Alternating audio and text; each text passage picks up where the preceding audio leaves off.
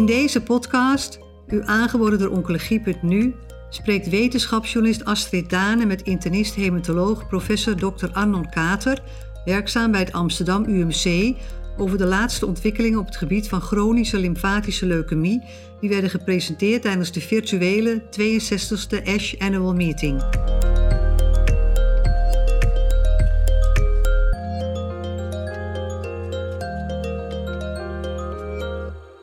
Goedemiddag, uh, Arnold Kater. Jij bent uh, internist-hematoloog bij het Amsterdam UMC.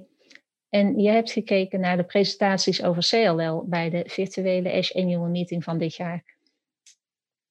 Uh, je hebt zelf ook een presentatie gegeven. Kan je daar om te beginnen wat over vertellen?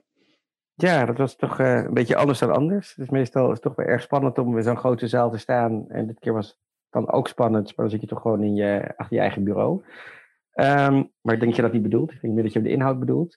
Uh, dus wat we, nou, waar, waar, mijn presentatie over ging, zijn de nu vijfjaarsdata van de uh, Murano-studie. Studie. En de Murano-studie is de uh, studie waarbij gerandomiseerd is voor venetoclax rituximab voor een fixed duration. Dus in totaal twee jaar behandeling. Zes maanden combinatie venetoclax rituximab, 18 maanden venetoclax alleen.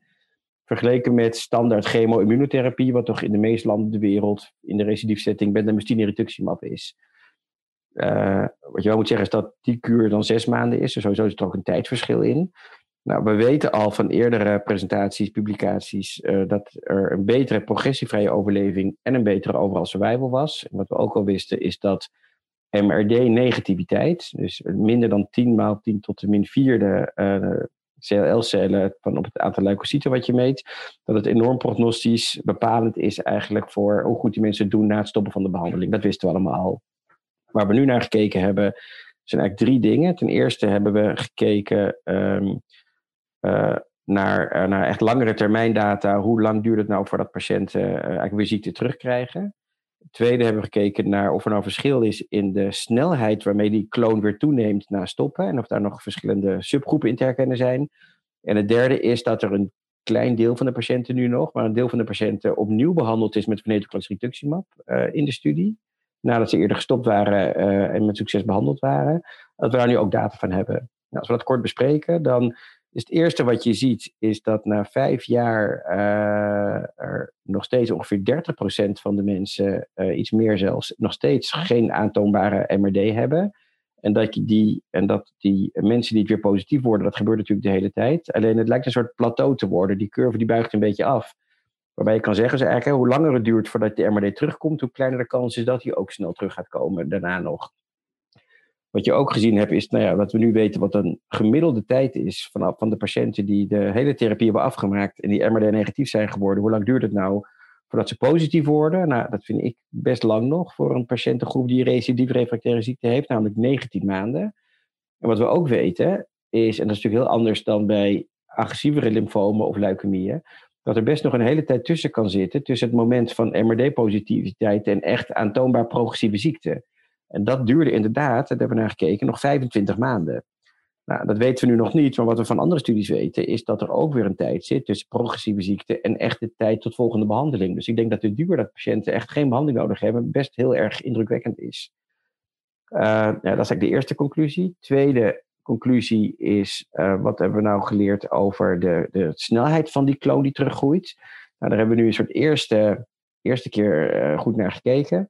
Uh, in ieder geval wat je kan zeggen is dat de, de, de groei van de kloon sneller is bij, uh, na chemotherapie dan na, uh, daarna uh, rituximab. Dus blijkbaar zegt de behandeling ook iets hoe snel die kloon weer terugkomt. Dat is eigenlijk nieuwe informatie. En vervolgens hebben we voor de patiënten met venetoclax rituximab gekeken of er nou verschil is in, in hoe snel die kloon terugkomt. En dan zie je dat patiënten met ongunstige prognostische factoren op baseline, en dat is dan meer dan drie uh, chromosomale afwijkingen, of een ongemuteerde BC-receptor mutatiestatus, of uh, P53 deletie of mutatie, dat bij die, al die drie patiënten een snellere kloon terugkeer is dan bij de andere patiënten. Dus blijkbaar zegt aanvankelijke baseline karakteristieken iets over hoe snel die kloon weer terugkomt. Nou, derde en laatste is, kun je nou patiënten opnieuw behandelen? Nou, we hebben nog eigenlijk helemaal geen goede progressievrije overlevingsdata, dus ik ben daar voorzichtig in. Wat je in ieder geval ziet, is dat je wel een deel van de patiënten die eerder behandeld zijn en MRD-negatief werden, na stoppen, periode, en dan opnieuw behandelen, opnieuw MRD-negatief worden. En uh, op zich is dat denk ik heel goed nieuws. Zeker wetende dat de patiënten die in die studie zijn gegaan, dat zijn natuurlijk de slechtste patiënten. Van dat zijn patiënten die het snelst weer positief werden en een behandelindicatie hadden. Dus als we daar al zien dat een deel van de patiënten opnieuw behandeld kan worden met dezelfde middel, dus dat je echt dezelfde lijn eigenlijk nog een keer kan geven in een, in een latere lijn, dezelfde behandeling, ja, dan is dat denk ik goed nieuws. Maar ik moet wel zeggen dat we echt even moeten wachten tot we iets langere termijnsdata hebben hoe succesvol dat nou echt is. Dus dat zijn denk ik de belangrijkste conclusies van de Murano-studie. Ja. En er was ook nog een studie waarbij venetoclax werd gebruikt in de eerste lijn, de Captivate-studie. Wat kan je ons daarover vertellen? Ja, dus, nou ja, dus eigenlijk hebben we nu in de eerste lijn, is het wel een beetje ingewikkeld aan het worden, maar dat maakt het ook weer spannend. We weten nu door nou, uh, vrij veel studies dat ibrutinib monotherapie uh, een langere progressievrije overleving geeft dan chemo-immunotherapie eerste lijn. Dat geldt voor de jongeren en voor de ouderen. Dat is nou wel vorig jaar eigenlijk en twee jaar geleden op de ESHE aangetoond. Wat we sinds vorig jaar weten door de Duitse werkgroep is dat venetoclax obinutuzumab, dus een combinatie van venetoclax met de tweede generatie CD20-antistof, dat dat beter is voor in ieder geval de niet-fitte patiënten dan ook chemo-immunotherapie, Luicoran obinutuzumab. Ja, en theoretisch zou je zeggen dat er heel veel synergie te verwachten is tussen de combinatie van venetoclax en ibrutinib. We weten immers dat venetoclax heel goed is om CL-cellen in het bloed te doden, maar dat dat veel minder goed werkt in de lymfeklier, omdat die lymfeklier uh, door interacties in de lymfeklier expressie van andere anti-apoptotische moleculen ook opgereguleerd wordt. We weten dat ibrutinib cellen helemaal niet doodt, maar wel zorgt dat ze niet meer naar die beschermde lymfeklier kunnen komen. Dus in theorie, we hebben ook zelf muizenstudies daarnaar gedaan, lijkt er dat er echt wel synergie is. Nou, en wat die Captivate-studie onderzoekt, is inderdaad, wat gebeurt er nou als je een BTK-remmer, ibrutinib, combineert met venetoclax? En hoe succesvol is dat nou? Nou ja, en daarvan is nu laten zien dat je inderdaad, het is nog steeds een interim-analyse, van nog steeds wachten op de, de eindanalyse is er nog niet. Uh, maar dat je toch echt wel veel patiënten in een hele diepe remissie kan bezorgen. Zeker in de eerste lijn, echt de meer dan, uh, zeker een grote meerderheid. En de verwachting is dan ook dat je met die combinatie uh, heel succesvol mensen kan behandelen. En dat je daarmee um, ook langdurig zonder, te behandelen, zonder behandeld hoeven te worden, ziektevrij kan zijn.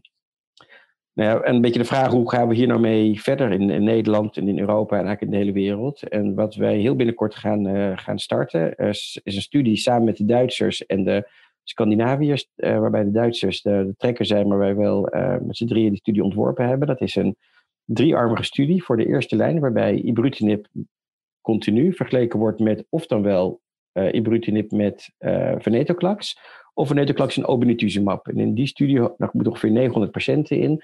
Daar hoop je nou echt te weten van welke van die drie therapieën heeft nou welke voor- en nadelen voor welke subtypes. En dat is de CLL17. En dan waren er uh, ook nog andere immuuntherapieën, de eh, CAR-T-therapieën. Wat was daar ja, dus, te melden?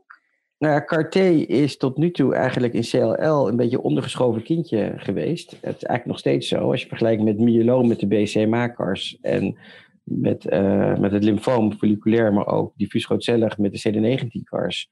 Uh, bij CLL is daar tot nu toe veel minder ontwikkeling in geweest. En de belangrijkste reden is dat die effectiviteit van die CAR-T-cellen bij CLL heel veel lager is dan bij die andere ziektes. Uh, reden daarvan, denken wij, is dat er een, dat door interactie van die CLL-cellen met die T-cellen een soort T-cel-dysfunctie ontstaat. Dat kunnen we ook in het lab goed nabootsen, maar dat is ook wel ex vivo gebleken. Uh, ja, en dat is blijkbaar ook al wel herkennen die CARs hartstikke goed die CL-cellen, omdat CD19 echt wel goed de expressie komt op CL-cellen, dat die CARs verzwakt worden en daardoor niet effectief zijn. En er zijn nu allerlei regimes die kijken van kun je het niet toch verbeteren op een of andere manier. En een van de studies daarnaar is de, een studie van uh, het bedrijf Juno, wat nu inmiddels BMS geworden is, waarbij ze uh, CAR-T-cellen hebben gegeven aan patiënten uh, tegelijkertijd met ibrutinib. Met het idee dat je misschien en wel iets met de CL-cellen doet, één. Maar de tweede, dat ibrutinib, omdat het ook ITK redt, misschien ook wel die CAR-T-cellen verbetert. Nou, dat zijn allemaal echt super kleine getallen nog. Maar ik vond het wel heel bemoedigend. Want ze zagen toch nu echt wel in een meerderheid van de patiënten dat er een complete remissie optrad. En het waren natuurlijk per definitie allemaal mensen die alles al gehad hadden, zo'n beetje. En dat je ook echt wel patiënten zag die MRD negatief werden. Nou ja, dus ik denk dat het nog veel te vroeg is om te zeggen, nou, nu kunnen we CARS gaan toepassen in die kliniek. Maar dit is wel het eerste ja, lichtpuntje waarbij je ziet dat, dat met een, om het protocol een beetje aan te passen, met misschien iets erbij of eraf te halen, in dit geval iets erbij te doen, uh, dat dat misschien toch wel die, die effecten kan beïnvloeden. Ja. Nou, hele mooie nieuwe resultaten. Dankjewel ja. voor deze toelichting. Ondanks dat het virtueel was, hebben we toch veel geleerd, denk ik. Ja. Dankjewel. Bent u geïnteresseerd in meer podcasts? Deze zijn te vinden op de website oncologie.nu.